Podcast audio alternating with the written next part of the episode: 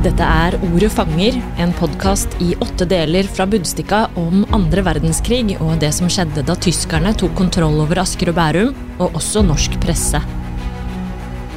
For det ble en tøff tid for Budstikka-redaktør Johs Løken, som fortsatte å utgi avisen selv om nazistene kom med detaljerte instrukser for hva som var tillatt å publisere og ikke. Du skal også få høre historier om menneskene som sto imot nazistene, de som led og de som overlevde. Historieforteller er Dag Otter Johansen, og dette er andre episode og historien om hvordan to oppmuntrende ord skulle få store konsekvenser for en rektor i Bærum.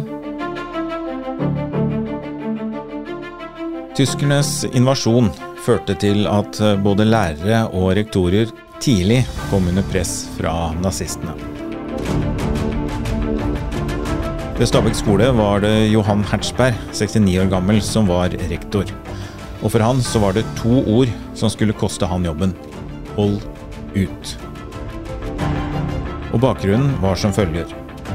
6.10.1941 gikk Hertzberg inn i klasserommet til første real på det som het Stabekk kommunale høyere allmennskole.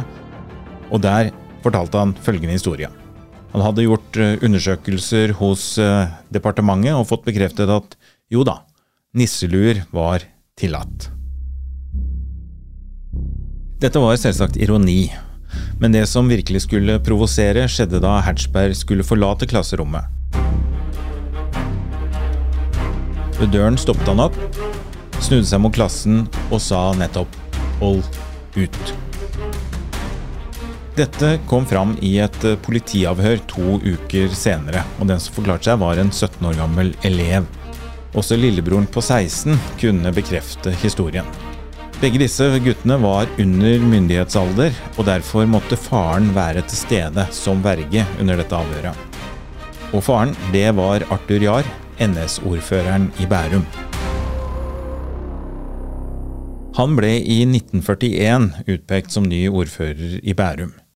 Jahr, som på dette tidspunktet var 46 år, var jurist og trafikkinspektør i NSB, og helt uten politisk erfaring.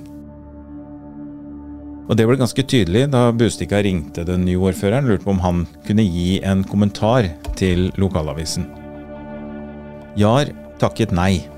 Han hadde vært så travel eh, og behøvde litt tid før han var klar for å uttale seg om kommunepolitikken og den politiske kurs i Bærum var svaret lokalavisen fikk. Dette var en avvikling av demokratiet, det at Jahr ble ordfører. For Nasjonal Samling sto ikke sterkt i Bærum før krigen.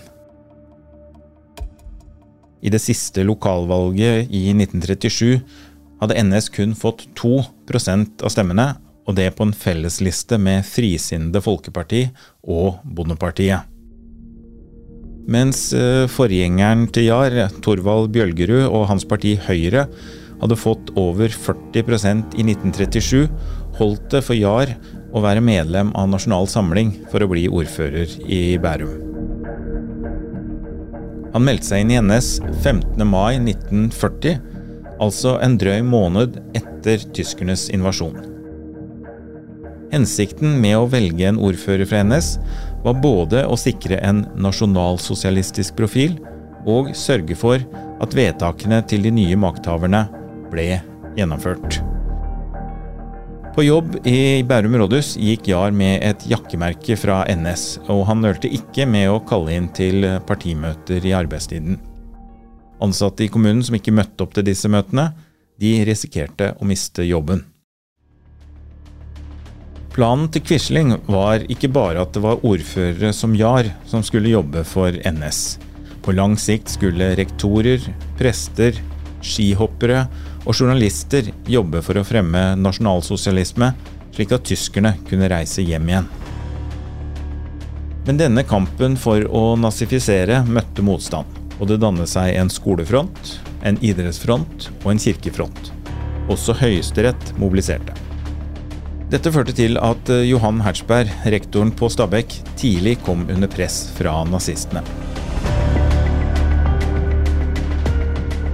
Han hadde valgspråket 'frihet under ansvar', og slik var det i klasserommene også.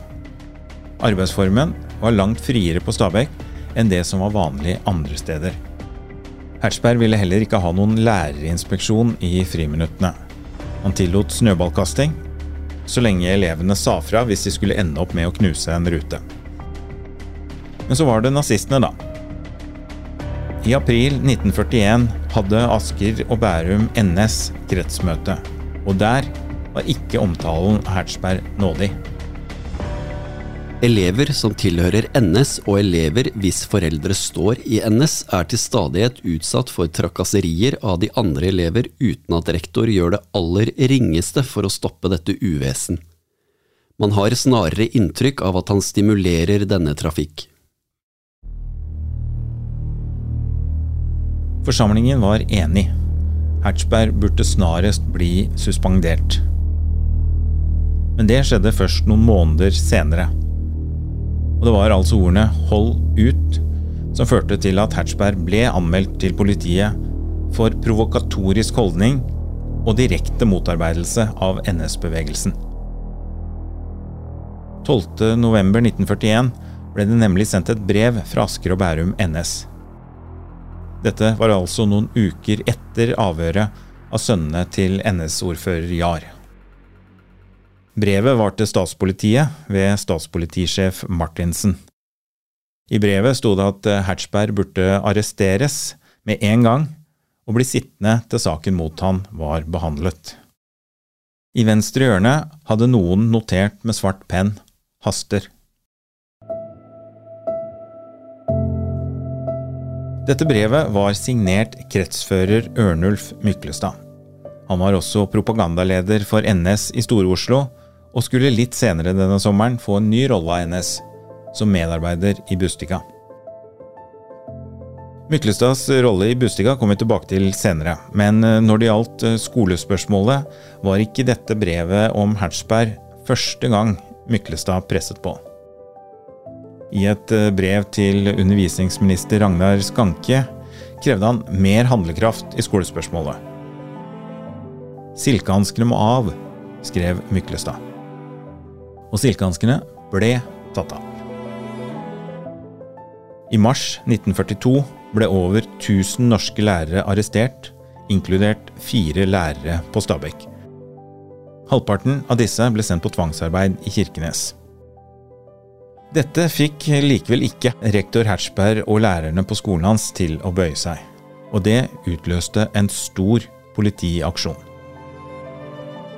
22. mai tok nazistene oppstilling med 30 politifolk rundt Jar skole, hvor Stabekk-elevene holdt til, mens deres egen skolebygning på Stabekk ble brukt til kaserne for tyskerne.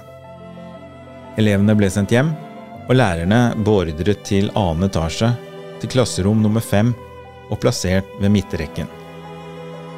På første rad satt politiminister Jonas Lie fra Asker, ved kateteret sto undervisningsminister Ragnar Skanke, og på vindusrekken mot sør satt Vidkun Quisling. Og han tok snart ordet. Det er dere lærere som er skyld i at vi ikke har fått noe riksting, eller storting som det nå skal hete. Det er deres skyld at Norge i dag ikke er blitt et fritt og selvstendig rike. Der er ikke straff som er streng nok for det dere har gjort. To av lærerne fikk gå. Resten ble arrestert og sendt til Bredtvet fengsel. Ti lærere var ikke til stede, heller ikke rektor Hertzberg. Men dagen etter Quislings besøk kom beskjeden. Hertzberg var permittert for resten av sin funksjonstid. Og lokalavisen fikk klar beskjed om ikke å omtale denne avgangen og den beskjeden kom fra skolestyrets formann Asbjørn Strand. Under de tidligere rådende forhold ville det ha vært naturlig at denne begivenheten var blitt viet oppmerksomhet fra pressens side. I dag stiller det seg imidlertid helt annerledes, av forskjellige forhold som har vært rådende ved Stabekk allmennskole i den senere tid, og især pga. de siste hendelser ved samme skole, er det et sterkt ønske hos meg som skolestyrets formann at omtalte begivenhet ikke, verken med tekst eller bilde, blir berørt i deres avis. Busika godtok altså oppfordringen. Heller ikke Quislings oppmøte på skolen ble omtalt.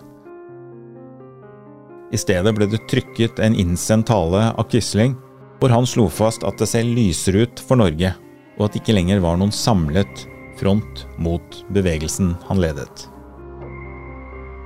Dette var et typisk eksempel på hvordan avisene ga etter under krigen og lot seg bruke som et redskap for tyskerne. 3.9.1945 dukket Johan Hertzberg igjen opp i Bussegas spalter. Da var den tvangspensjonerte rektoren tilbake på Stabekk skole. Han sto på trappen foran hovedinngangen med lærerne i en halvsirkel bak seg slik han hadde stått år etter år tidligere når elevene skulle ønskes velkommen tilbake etter sommerferien. På flaggsangen vaiet det norske flagget, og ved siden av Hersberg denne gangen sto hjemmefrontens leder og tidligere lektor ved skolen, Karsten Deli. Hertzberg fikk eh, stor applaus, registrerte Budstikka, da han gjorde seg klar for sin avskjedstale. Og talen, den var preget av valgspråket frihet under ansvar. Frihet betyr alltid ansvar, derfor er så mange redde for friheten, fordi de er redde for ansvaret. Bare den som tør ta personlig ansvar, kan være virkelig fri. Vi tør derfor, med rette, si at frihet under ansvar er menneskets adelsmerke, det sanne kjennetegn på et herrefolk.